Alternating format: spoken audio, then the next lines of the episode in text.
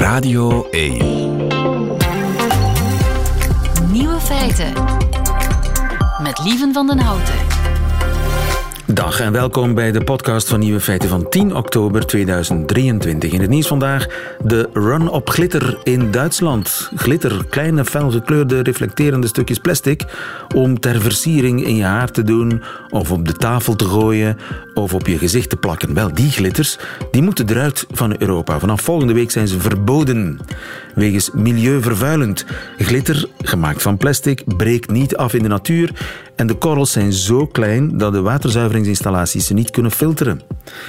Uitgerekend in het nuchtere Duitsland komt dat glitterverbod hard aan. Op TikTok roepen mensen hun volgers op om nog snel een voorraadje in te slaan. Eine Welt ohne Glitzer? Ja, ab dem 17. Oktober ist der Verkauf von losen Glitzer und Mikroperlen verboten. Ich konnte es selber kaum glauben. Ich bin für euch zur Action gerannt und habe nachgeschaut. Noch dieses Glitzerkarussell gefunden. Wenn ihr also mit euren Kindern noch mit Glitzer basteln wollt, dann füllt eure Reserven auf. Ja, snel nog naar de action voor een, uh, een grote voorraad glitter voor het verboden wordt. Duitsland vandaag. Straks een land zonder glitter. Dat wordt wennen. Juri Kortens, de andere nieuwe feiten vandaag. Juri Kortens, die gaat voor het eerst in zijn leven trek tellen. Wat dat ook mogen zijn. Eden Hazard die stopt met voetballen. Rien Emery heeft de handen vol met fake news uit Israël en de Gazastrook. En Japke D. Bauma is gestopt met onzincursussen op het werk. Christophe van der Goor, zijn uh, nieuwe feiten hoort u in zijn middagjournaal. Veel plezier. Hazard, eindelijk helemaal wat hij moet zijn. Hazard binnen! De beweging er voorbij, de save van het Shoah. Hazard legt hem erin. Hazard gaat trappen, plaatsen en binnen. Ja, ja, ja. Afleggen nu en Hazard scoort. Missertje Jones, Hazard moet het afmaken. Hazard maakt het dan. Het is 2-0 voor de Belgen. Ja, en Hazard zal het niet meer afmaken. Alleen, alleen, in zijn tuin met zijn uh, vele kinderen. uh, hoeveel kinderen heeft? Uh, vier, denk ik. Vier ja, kinderen ja, heeft Eden Hazard. Hij is een familieman, hè? Ja, en hij stopt ermee met het voetbal. Hij stapt volledig uit het voetbal. Ja, op zich is het geen verrassing. Hè? Omdat hij um, bij Real Madrid al was gestopt. En dan was het eigenlijk al maanden gissen van... Gaat hij nog ergens tekenen? In de woestijn bijvoorbeeld, waar het tempo dan toch iets lager ligt. Maar hij ook daar misschien nog wel eens kan schitteren. Maar hij heeft de voorbije jaren in Madrid nauwelijks gespeeld omdat hij veel blessures heeft eh, gehad. En Hazard is ook nooit de bezeten voetballer geweest zoals een Cristiano Ronaldo die elke dag aan zijn lichaam werkt, die wil schitteren, die persoonlijke trofeeën wil halen. Eden werkte niet elke dag aan zijn lichaam? Nee, dat denk ik niet. Het was geen trainingsbeest. Het was meer een speelvogel die wou genieten van mooi voetbal. En van hamburgers. Ja, dat gaat Want natuurlijk dat, al heel lang mee. Ja, ja, ja de, toen met de George Lekes. Hij, ging nogal op en neer hè, qua gewicht. Ja, uh, en dat was het grote probleem ook toen hij naar Real Madrid ging. Um, die mensen betaalden meer dan 100 miljoen voor Eden Hazard en hij kwam met overgewicht toe op de eerste training. Nu, ja, ik zou dat niet doen. Maar, maar dat was Eden Hazard. Overgewicht, je hebt dat snel hè, als voetballer. Je moet... Ja, maar ik ook. Maar, maar als voetballer, ja, als je een tijdje stil ligt, natuurlijk wel. En de ene heeft meer aanleg om uh, wat dikker te worden, wat aan te komen. Maar als je dat weet, en dat wist hij toch wel al ondertussen, um, ja, je gaat niet naar de hoogste club ter wereld, bij wijze van spreken. De koninklijke, het iconische wit, om dat met overgewicht toe te komen. Ja. Maar het was een beetje een feestbeest. Hè? Waar is de feitje? Waar is de feitje? Waar is de feitje?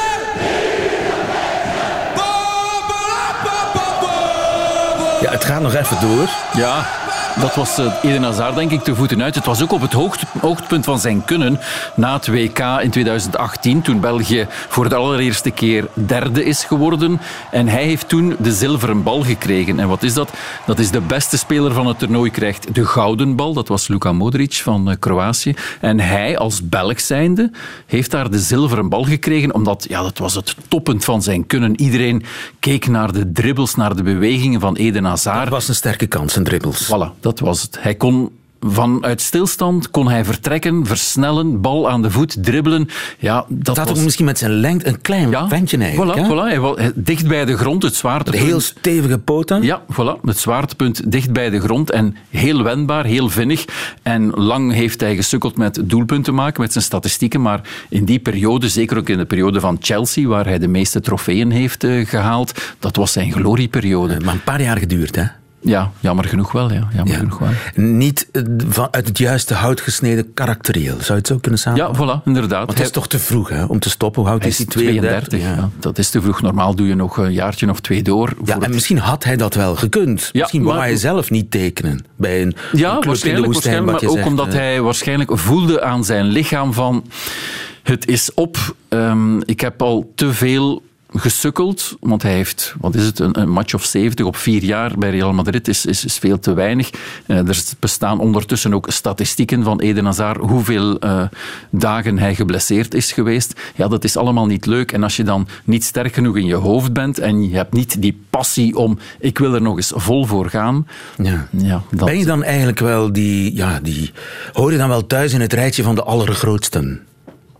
Eh, op zijn sportieve prestaties, en daar ga ik dan op af, hoort hij zeker in België wel thuis bij de allergrootste. En in Chelsea zal hij ook nog genoemd worden met andere iconen als Drogba, Lampard, eh, Terry, waar dit zijn bekende mensen in Chelsea. En daar hoort eh, Eden Hazard ook wel bij. En ook in ons Belgisch voetbal moeten we Ja. eerlijk zijn. Eh, ja, hij heeft toch wat verwezenlijkt Ja. in de gouden generatie, die uiteindelijk niet goud is geworden. En eh, zijn kont heeft een eigen Twitter-account. Ik heb het opgezocht, want ik wist het zelf niet.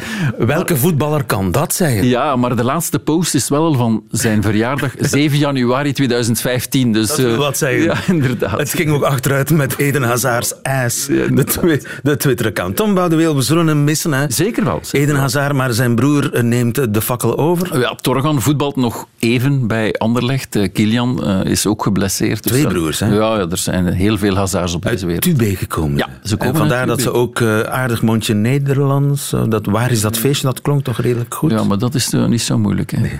Tom Boudeweel, dankjewel voor deze Graag gedaan. toelichting. Tot de volgende.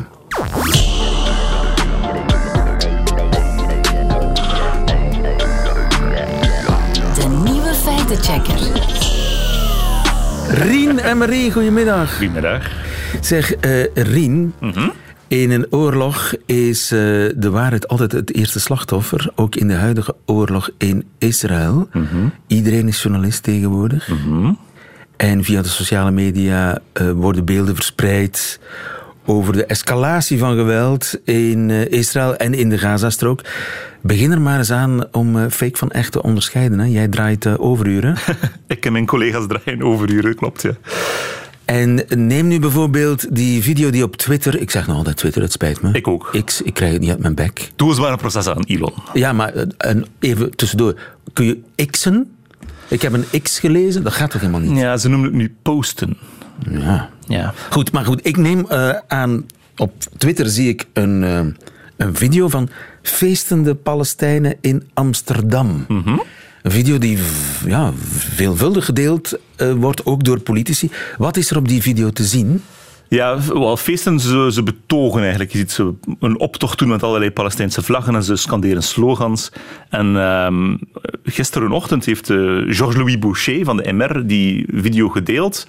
ehm, zeggende van, eh, dit soort eh, dingen moeten we verbieden, want... Er stond namelijk een tekstje boven, dat geschreven was dan weer door Daria Safai van NVA. En die beweerde van dit is een eh, steunbetoging voor Hamas, voor de barbaarse aanvallen van Hamas in Amsterdam. En dat zou inderdaad wel sterk zijn. Hè? Mocht er op dit moment steunbetogingen of onmiddellijk na de... Want het is echt wel heel erg gruwelijk. Zo'n popfestival, daar gaan ja, honderden mensen gewoon... Er zijn, er zijn betogingen. Er was een betoging eergisteren, denk ik, in Rotterdam. Niet in Amsterdam. In Rotterdam een echte betoging van mensen die, die deze opstand steunden van Hamas. Dat was echt. Maar deze video die gedeeld werd door Safai en door Boucher, daar was iets mee aan de hand. Ehm, Hoe zag je dat? ja, er begonnen meteen mensen on- onder te reageren van nee, dit is niet van, van, eh, van dit weekend, dit is van 2021. Dus dat was mijn eerste aanknopingspunt. Ik ben gaan kijken naar Mensen, mensen vertelden dat. Hè? ze Pas zeiden van, ja, ik was erbij. Dit was het in 2021. Ik zeg van, oké, goed. We zullen even wat, eh, wat eh, nieuwsartikels googlen over die betoging in 2021. Inderdaad, in mei 2021 was er een betoging in Amsterdam voor de Palestijnse zaak. Eh, maar als je keek naar de foto's of de beelden die toen in alle media verschenen zijn, droeg iedereen nog mondmaskers. Het was 2021. Mensen droegen mondmaskers op straat. In de video die we zagen, die gedeeld werd, was dat niet zo. Dus het was niet 2021, dat konden we daarmee al uitsluiten. Ehm, nu, het was een video op Twitter, of X zoals je zegt, maar oorspronkelijk kwam die van TikTok. Er stond nog een TikTok-logo op en een account ook. Nederland 077 op TikTok. Dus wat hebben we gedaan? Altijd toen ga naar het originele filmpje. Niet alleen voor de kwaliteitscontrole, want ja, als je zo'n filmpje naar een ander medium ver- vertaalt, uh, wordt het wat grainier en niet zo scherp meer. Hè. Dus je maar, gaat naar de oorspronkelijke verspreider van het... Naar de oorspronkelijke verspreider. We gaan naar TikTok, we keken daar naar het filmpje. Het staat er nog altijd op, op dat account. En het is online gezet eergisteren. Het is twee dagen geleden online gezet. Hmm. En, en, dat profiel heeft allemaal andere uh, beelden ook gedeeld van andere betogingen van pro-Palestijnse betogers. Dus ofwel uh, was dat niet de oorspronkelijke verspreider, ofwel was het wel een echt bericht. Ja, dus daarmee waren we niet zoveel verder. Want als we nu hadden gevonden van ah, het staat al maanden op TikTok, wisten we meteen van het is een oude video. Nee, dat was niet het geval. Dan zoek je verder. Dan zoek je verder. En wat kan je dan nog verder doen? Bijna alleen maar zeer nauwkeurig kijken naar de beelden zelf. Om te beginnen was het Amsterdam. Hm? Dat is de eerste vraag. Um, ik ken Amsterdam wel een klein beetje, maar we zagen op een gegeven moment een groot gebouw waar er bovenaan stond Rokin. Ja, Roken is een straat in Amsterdam. Ja. Uh, dus dat waren we wel zeker. Dus we weten ook exact waar het was. Als je dat googelde, was ergens uh, Rokin ongeveer tussen huisnummers 109 en 115. Eén van die gebouwen is een Spar, een, een, een supermarkt. Ja? Het gebouw naast die Spar stond een zeer opvallende steiger tegen. Aha. Met allemaal blauwe netten aan. Dat was, was een verbouwing. Op die beelden? Op de beelden, op die video. En dan, wat je dan kan doen natuurlijk, is je gaat naar Google Street View. Je kan op Google Maps kijken naar, naar kaartjes, maar je hebt er ook de Street View optie, waar je gewoon kan door de straat wandelen en je krijgt de beelden te zien. Dat zijn die wagentjes van Google die met die camera's erop, Juist. die gewoon door de straat rijden en ze doen dat herhaaldelijk al. Ja. Dus die hebben dat gedaan in 2009, in 2011, in 2013. Staat daar een datum op, op die beelden? En die beelden zijn gedateerd. Je kan dus door, doorheen de tijd scrollen door de beelden van de straat. En wat zagen we natuurlijk? In je kunt ook in het verleden gaan. Je kan in het verleden gaan, ja, natuurlijk. Je kan in je eigen straat gaan kijken hoe de huizen van je buren eruit zagen een aantal jaar geleden, als Google er verschillende keren gepasseerd is met het autootje. Hè. Was natuurlijk wel het geval op Rook, in een grote straat in, in, in Amsterdam. Dus daar waren tien verschillende beelden, opnames van Google Street View. We zagen vandaag of toch het recentste beeld was uit maart, geloof ik, maart 2023, geen steiger tegen dat gebouw. We zagen in augustus en in juli 2022 wel die steiger staan. Exact dezelfde steiger met hetzelfde bannertje eraan, hetzelfde blauwe net erop, zoals Bingo. in de video. Bingo! Voilà. En we zagen opnieuw in uh, ma maart 2022 geen steiger. Dus tussen maart 22 en, ma en juli, augustus 22 moeten die beelden opgenomen zijn. Dus is er toen een betoging geweest? En er was een betoging op 15 mei 2022. En die was toevallig ook voor eigenlijk helemaal niet voor Hamas natuurlijk. Het was een betoging, een protestbetoging tegen een recent doodgeschoten Israëlisch-Amerikaanse journaliste. Een paar dagen voordien was hij doodgeschoten. Dat was een protestbetoging. En je zag inderdaad, als je iets verder zeer nauwkeurig naar de beelden keek, dat de protestanten bordjes vast hadden. En op die bordjes was een, een vage zwart-wit foto van een vrouw te zien. En als je dan keek naar andere persbeelden die verschenen waren in mei 2022 van die betoging, zag je allerlei andere mensen met diezelfde bordjes rondlopen. Dus we waren meteen zeker, het was een, een, een, een, een betoging die meer dan een jaar oud was en helemaal geen steunbetuiging voor Hamas. Dus al die mensen die in beeld Ja. kwamen toen, werden beticht van Hamas-supporters te zijn, terwijl ze dat helemaal niet waren. Is dat moedwil? Heeft iemand, een slechterik, dit eh, moedwillig verspreid als steunbetoging voor Hamas, net na Als je, mijn, als je mijn inschatting wil, ik denk dat die persoon met het TikTok-account dat gedeeld heeft. Gewoon een filmpje van mensen die Palestina steunen, omdat hij misschien wel fan is eh, van wat er nu gebeurt daar. Dat zou kunnen. Eh, het is dan nog een begrijpelijke fout eigenlijk dat politici die dat filmpje zien, dat net dat weekend geüpload zijn en denken van, ah, dit is echt... Het was mooi weer. Mensen hadden ongeveer de kleren aan die ze kunnen aan hebben. Het was hetzelfde blauwe lucht, een paar wolkjes. Dus het had allemaal gekund. En als het allemaal had gekund, dan deel je het sneller. En dat is het grote probleem natuurlijk, dat mensen niet meer dan de... Ja, na- je moet al 35 eh, nieuwe browservenstertjes open doen om naar Google Street View te gaan kijken, Allee, om, om dat helemaal te checken. Dus het is eh, misschien Het is snel gebeurd, hè? Het is snel Het is gebeurd. snel ja. gebeurd. Het is snel gebeurd.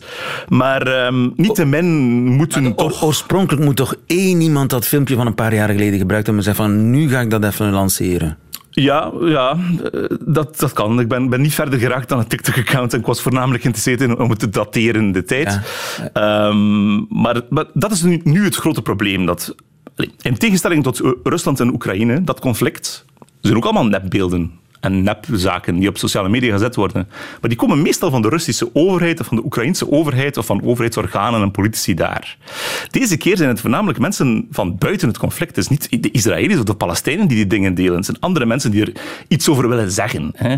Die over migratie iets willen zeggen of over Iran in de Verenigde Staten of zelfs mensen uit het Russisch-Oekraïns conflict die beweren van ja, Hamas heeft wapens gekregen van Oekraïne, wat allemaal niet klopt. Um, het is allemaal van buitenaf. En op Twitter is het... Natuurlijk niet moeilijk, niet makkelijker om, om te traceren.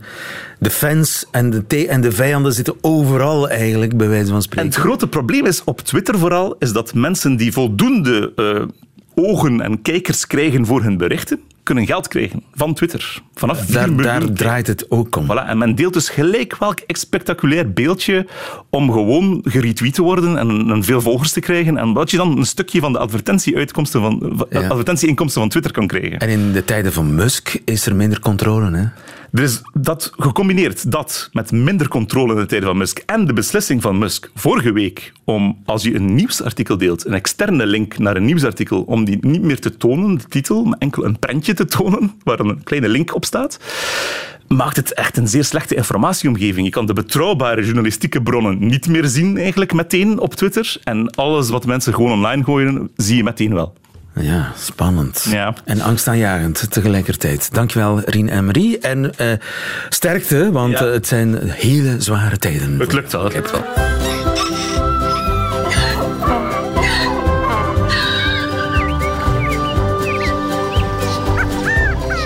Juri Buiten.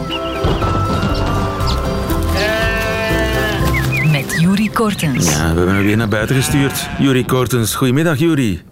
Goedemiddag. Lesgever bij Natuurpunt. Het is voor jou geen straf om naar buiten gestuurd te worden. En zeker niet op een dag als vandaag. Hè. Prachtig weer. Prachtig weer. En ik, ik ga ook iets doen wat ik nog nooit heb gedaan. Of ik ben Oei. het aan het doen. Juri, je, je Ja, maakt ja. me bang. Ja, ja, ja. Wat Ik in de al- natuur heb jij nog nooit gedaan? Juri Kortens. Lieven, ik ben al 35 jaar aan het vogelen, maar ik heb nog nooit getrekteld. ja, Getrekteld. of trekgeteld. Trekgeteld. Ja, maakt niet uit hoe dat je het noemt. Je Ja, bent vogels aan het tellen. Trekvogels aan het tellen. Waar ben je dat aan het doen? In Averbode, Averbode Bos en prachtig Daar wordt veel getrekteld. Daar wordt heel wat getrekteld. En er zitten ja, nog wat andere mensen hier op het kijkplatform. Dus misschien dat je die straks wel eens even gaat horen. Maar, Ah, je zit op een kijkplatform. Je hebt van die kijkplatforms overal te landen. Ja, er zijn zo wat van die plekjes, toch wel een vijftigtal als je, als je in heel Vlaanderen rondgaat. En, en nu wordt er op heel veel plekken geteld, omdat die trek is helemaal losgebarsten. Het begint eigenlijk al in augustus hoor. In augustus zijn er vogels die doortrekken. Eh, maar nu, met dit mooie weer, zijn er eigenlijk best wel wat eh lijsterachtige die overkomen en vinken. Die zijn allemaal op pad. Eh, wat dan als gevolg heeft dat je zo na een dagje trektellen misschien wel 12.000 vogels hebt gezien die naar het zuiden zijn gevlogen. En heb je nu zo'n klembord bij met vinken en dan en, en wat is het allemaal? eh? Ja, ja, ja, ja, ja er, is, er is zelfs een notulist van dienst die dat klembord bij heeft en een kopje koffie erbij. En eh, ja, ja, dat wordt allemaal, eh, allemaal geboekstaafd. Oké, en eh, dat is belangrijk om, voor de wetenschap. Dat we dat, of is dat eh, op zich leuk om te doen? Of is dat ook nuttig? Het is gewoon een heel leuke bezigheid om dat allemaal een beetje in de gaten te houden. Eh, dat is iets dat, dat, dat, ja, er zijn mensen die hier echt wel elke dag staan, gedurende drie maanden aan een stuk, eh, omdat dat zo fijn is. En ook natuurlijk, er zit wel een stukje wetenschap aan, alhoewel dat eigenlijk heel veel afhangt van hoe dat de wind staat, onder andere bijvoorbeeld. Staat die van, ja, Moet je jezelf kwalificeren? Want je, je moet dan toch wel... Ik ken, ik ken maar twee soorten vogels. Grote vogels en kleine vogels. Ik ben niet Ja. Geschikt als trekteller. Sijsjes en drijfsijsjes, dat zijn er ook zo van. ja. Eh, nee, dat klopt inderdaad. Je hebt eigenlijk wel wat, eh, wel wat kennis nodig. En ook voor mijzelf, ik ken heel veel van die vogels wel van als die eens dicht bij mij komen overgevlogen of die zitten in een boompje, dan ken ik ze wel heel goed. Maar eh, als die dan van ver voorbij komen gevlogen, dat is toch wel een, ja, een discipline apart, laat ons maar Ja, zeggen. en, Dus en moet je kennis bewijzen bij de, de, de man met het klembord of de vrouw met het klembord? Nee, nee, nee, nee, nee, nee, nee. Ze zijn, het is allemaal puur op vertrouwen. En, en ja, je zal wel zien, ze zijn ook helemaal niet alleen. Hè. Dus er zijn meerdere mensen die meetellen.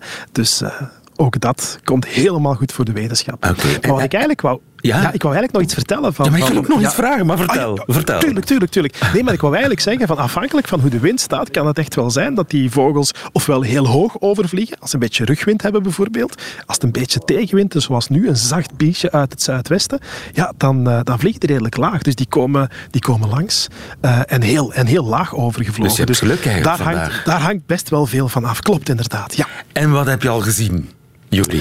Wel, wel, wel, wel. Eh, er zijn be- best wel wat vinken die op dit moment overkomen. Die komen uit het noorden. Eh, en samen met die vinken zijn er ook hun noordelijke tegenhangers, de kepen. Die zijn ook aan het binnendruppelen. Dat zijn de eerste. Eh, en dat zijn geen verre trekkers. Die komen eigenlijk maar tot onze contraille, net iets zuidelijker naar Frankrijk of naar Spanje bijvoorbeeld ook wel.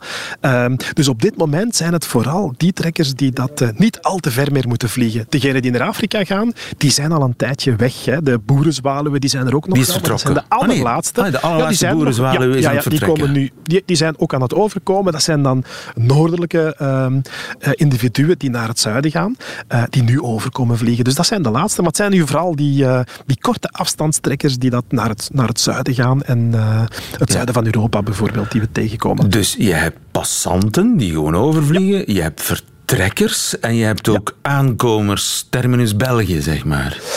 Er zijn er wel die terminus België hebben, ja. ja alhoewel dat die zich meestal nog net iets later eh, laten zien. Hè. Bijvoorbeeld roodborstjes, ik zeg zomaar iets. Hè. Die, komen, eh, die trekken ook. hè. Sommige van die roodborstjes van ons gaan naar het zuiden.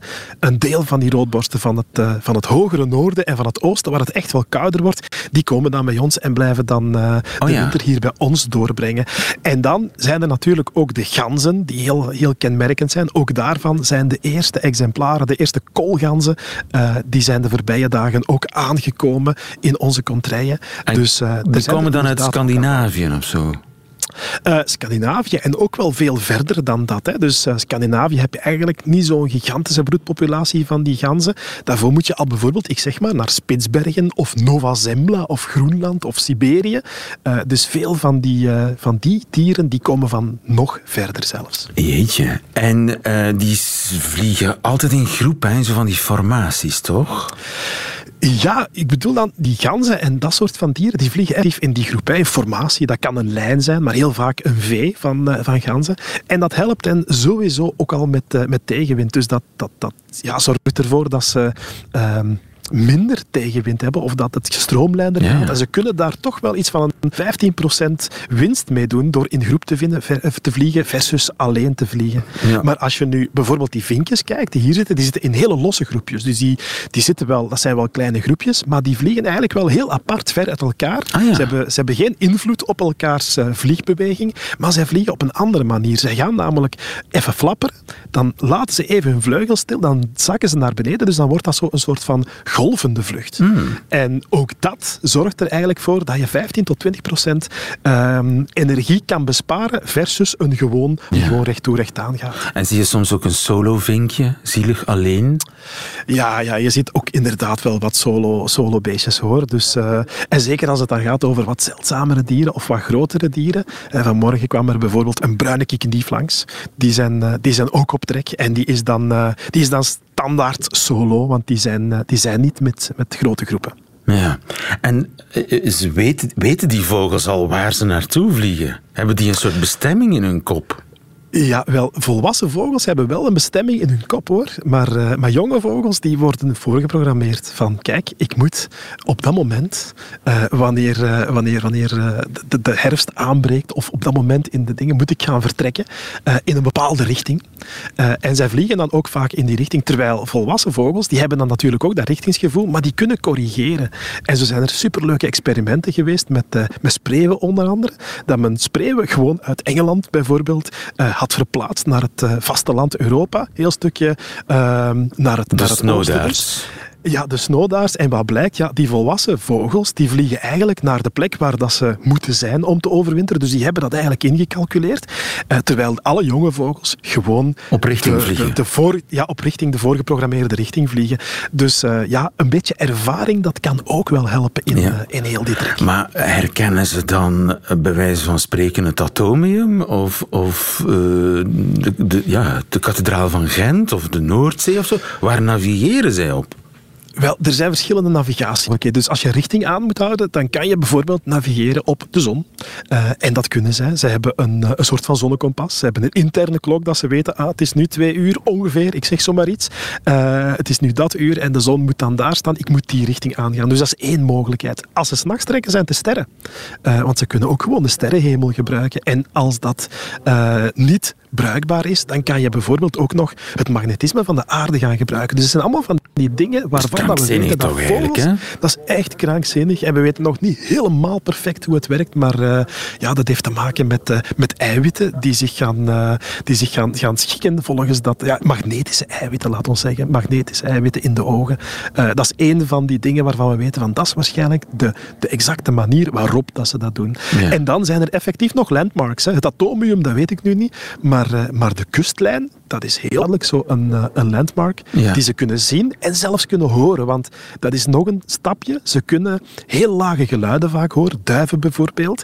Uh, en het, het gebrom of het, uh, het gezoem van, van de zee, van de branding van de zee, is zo een heel laag frequent geluid dat, dat tot meer dan 100 kilometer landinwaarts te horen is. En ook dat gebruiken zij dus om zich te oriënteren. Ze kunnen de zee horen in Mechelen? Ja, ja. Jeetje. Ja. Daar komt het op neer. Straffe toeren, hè? Het zijn, het zijn uh, hele straffe toeren. Ik vind, het al, ik vind het onwaarschijnlijk dus dat die beesten ook weten van... Ah ja, maar vorig jaar ben ik hier ook geweest. Ik, herinner mij die kustlijn. We zitten goed. Dat vind ik ja, ongelooflijk. Ja. Dat is, dat is echt inderdaad onwaarschijnlijk. Dat is het, dat is het leuke, dat je zo ja, eerst als jonge dieren dat aangeboren hebt, maar dat je dat aangeboren ook kan overschrijven als, als er een, een foutje is opgetreden, bijvoorbeeld. Want wetenschappers hebben soms toch wel gekke dingen gedaan met, uh, met, met vogels om dat oriëntatievermogen een beetje te testen. Ja. En zo heeft men bijvoorbeeld vogels uit uh, een kolonie zeevogels uit de kust van, uh, van, van Engeland, heeft men eens naar, naar Rome gebracht en daar losgelaten. En dan vliegt die vogel gewoon recht toe, recht aan over Europa helemaal terug naar de plaats waar dat die moet zijn. En uh, ja, dus dat, dat, is, dat is onwaarschijnlijk. En we weten ondertussen ook zelfs dat geur daar zelfs een rol bij speelt. Ja. Vooral bij die zeevogels dan. Ja, ik blijf het een groot mysterie vinden, de trekvogels. Met, ik hoor een paar mensen op de achtergrond met, met hoeveel zijn jullie daar eigenlijk? Ik heb hier uh, zeven trektellers geteld. Zeven trektellers, ja. En hoe, hoe lang ga je nu nog door? Uh, tot aan het gaatje. Want nu is het, zijn de kleine vogels die komen, die komen in de ochtend voorbij. Uh, en, en wanneer het wat warmer wordt, en dat zit er echt wel aan te komen, dan gaan andere vogels, bijvoorbeeld de buizerd, dat is een hele grote, zware vogel, en die heeft thermiek nodig, die heeft stijgende lucht nodig om, uh, om goed te kunnen vliegen. Dus wat gaat hij doen? Als het wat warmer wordt, gaat die lucht stijgen, dan gaat hij omhoog schroeven, gaat hij cirkelen, en dan in één keer zegt hij, oké, ik ben hoog, en laat hij zich afglijden in een zuidelijke richting, waar dat hij moet zijn, of zuidwestelijke richting, waar dat Ja. hij uiteindelijk moet zijn. Dus dat komt er nog aan deze namiddag. Ja, ja. En is het dan een soort gewijde stilte op het platform? Of, of toch ook een beetje een ambiance? Mag er geroepen worden? Mag er gepraat worden? Of is het allemaal van... Ze houden zich heel erg in nu, want uh, al die vuile mopjes die zijn op dit moment nog niet te horen op radio. Uh, nee, nee, ze zijn ook wel heel serieus aan het, uh, aan het tellen. En er wordt af en toe tussendoor al wel eens een mopje getapt. Oké. Okay. het is, is het mogelijk om, om te zeggen Leven Radio 1? Met z'n allen? Uh, ik kan dat wel eens vragen, ja. Of gaat dat de trek uh, verstoren? Het gaat het, het gaat het niet verstoren. Uh, zeg mannen, Leven Radio 1. Zouden jullie dat willen roepen? Geen probleem. Oké. Okay. 3, 2, 1... Leven Radio 1! Oh, leven de trektellers. Gefeliciteerd en nog een fijn trektelfeest vandaag. Juri en Dankjewel, lieve. zeven kornuiten. Tot de volgende. Tot de volgende. Dag.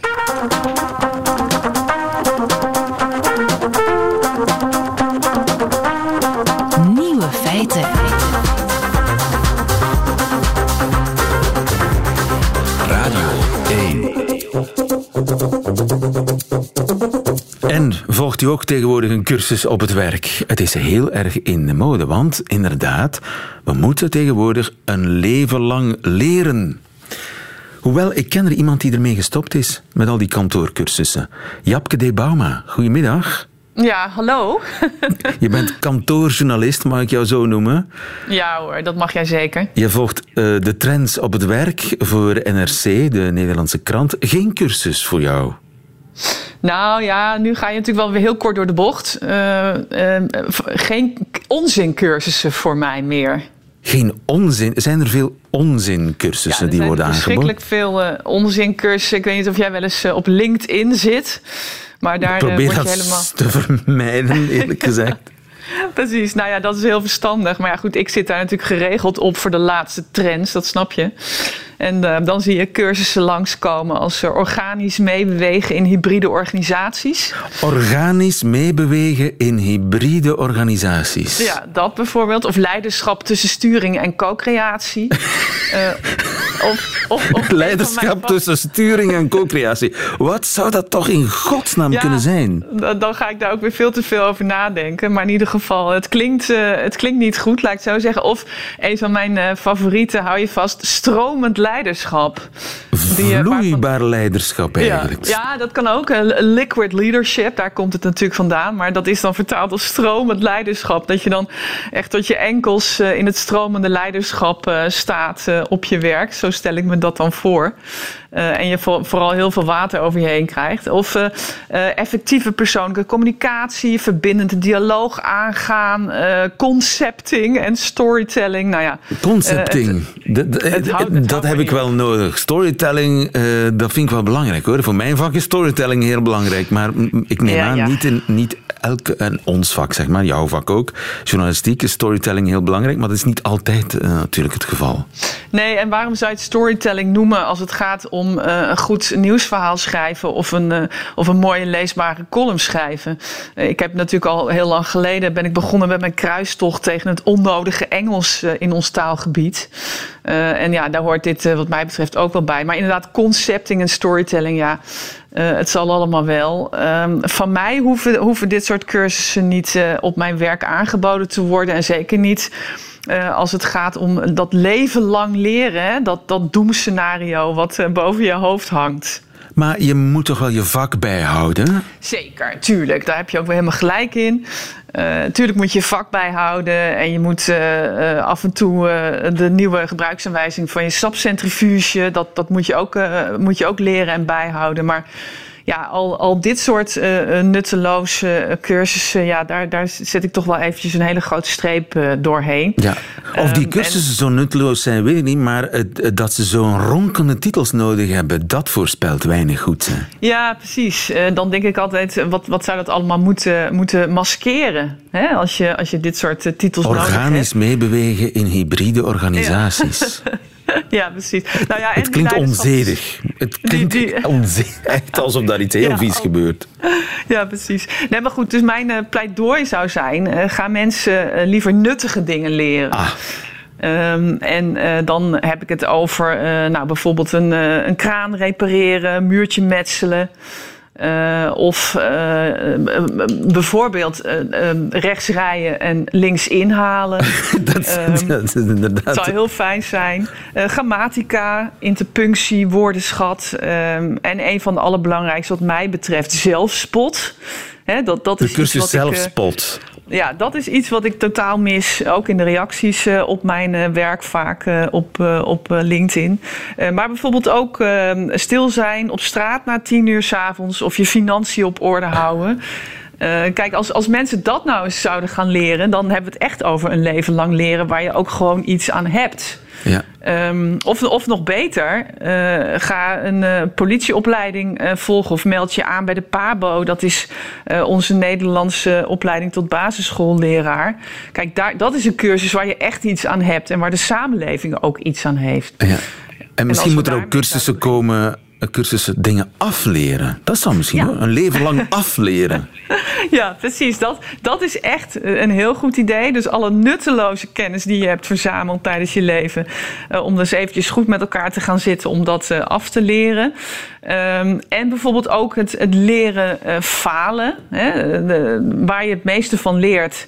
is, is toch fouten maken... en dan weer opstaan na zo'n zo'n val. Daar zeg je wat dat, dat zou ook een heel goed uh, idee zijn. Maar uh, ja, dit soort uh, bullshit cursussen of je, je kernwaarden benutten of je why bepalen.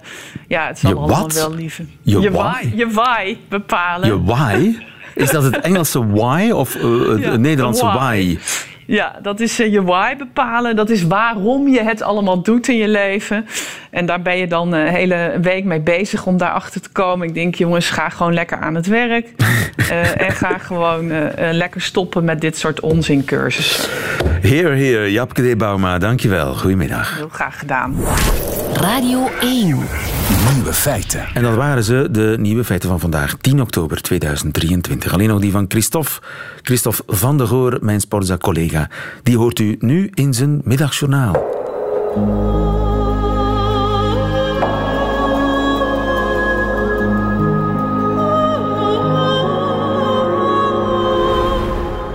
Goedemiddag, daar lag ik gisteren dan in de stoel van de tandarts. Of het ook lente was in de ogen van de tandartsassistente, dat weet ik niet, want ik hield de ogen dicht. De dubbele lamp die boven me hing, wel die straalde nogal fel. Omdat ik wat speeksel blijkt te ontwikkelen, kon de zuiger al dat nats niet afdoende wegzuigen. Neem daarbij dan nog enkele opspattende deeltjes cement of whatever, hoe dat heet tegenwoordig, van een oude vulling die moest worden weggeboord. En u begrijpt waarom ik overging tot het sluiten van de ogen.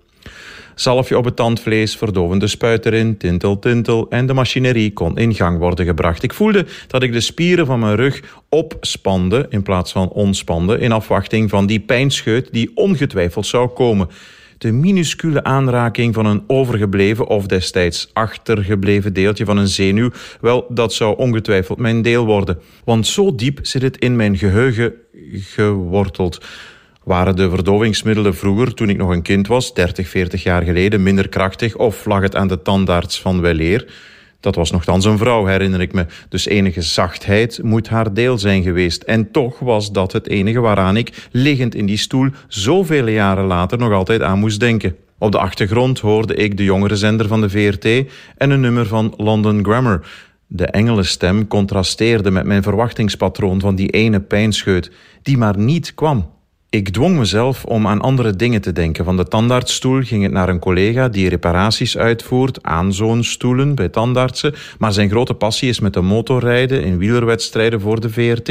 Ik zat enkele keren bij hem achterop op de motor voor het leveren van commentaar, onder meer in de Ronde van België. De Ronde van België, waarvan de Ardennenrit nu al twee jaar op een rij aankomt in Durbuy. Durbuy, eigendom van Mark Koeken. Mark Koeken, die ooit nog sponsor was van de ploeg Lefevre. De ploeg Lefevre, die gedurende twee weken leidzaam moest toezien hoe ze werd meegesleurd in een vermeend fusieverhaal met Jumbo. Jumbo, waar ik nog nooit ben gaan winkelen. Ik doe dat meestal bij de Colruit, waarvan de hoofdzetel in Halle ligt. Halle, dat dan weer langs de autostrade ligt, die passeert in de buurt van Paradisa, de dierentuin die eigendom is van, juist ja, Markoeken. Markoeken die kunst bestelt en verkoopt van Kamagurka. Kamagurka die vroeger samenspeelde met Herzelen, die samen een liedje schreven, Bovenal is de zee koude soep, wat ze in Spanje gazpacho noemen. Spanje dat ik twee weken doorkruiste voor de Vuelta, gewonnen door Sepp Koes, een Amerikaan, het land van Bruce Springsteen, die zijn tournee omwille van zijn gezondheid voorlopig on hold heeft gezet. Ik zag de Bos dit jaar op Werchter en haalde nadien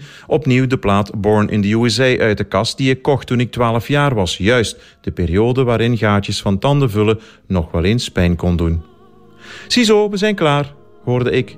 Uit de ingebouwde boksen herkende ik Self-Esteem van The Offspring. Een punkband die populair is in de wereld van het skateboarden. Lekker opzwepend om het lef en het zelfvertrouwen aan te zwengelen dat je nodig hebt om die waaghalzerij in die halfpipes op een skateboard überhaupt te durven uitvoeren.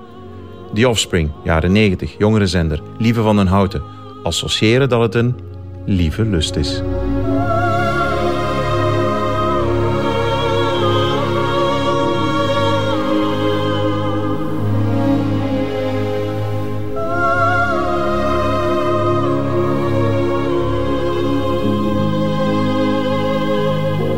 Het middagjournaal met Christophe van de Goor. De man kan uh, inderdaad associëren. Dat uh, komt hem vaak goed uit in de tours. Christophe van der Goor, dankjewel. Einde van deze podcast. Hoort u liever de volledige nieuwe feiten met de muziek erbij? Dat kan natuurlijk elke werkdag tussen 12 en 1 op Radio 1 live. Of on demand via de Radio 1 app of website. Tot een volgende keer.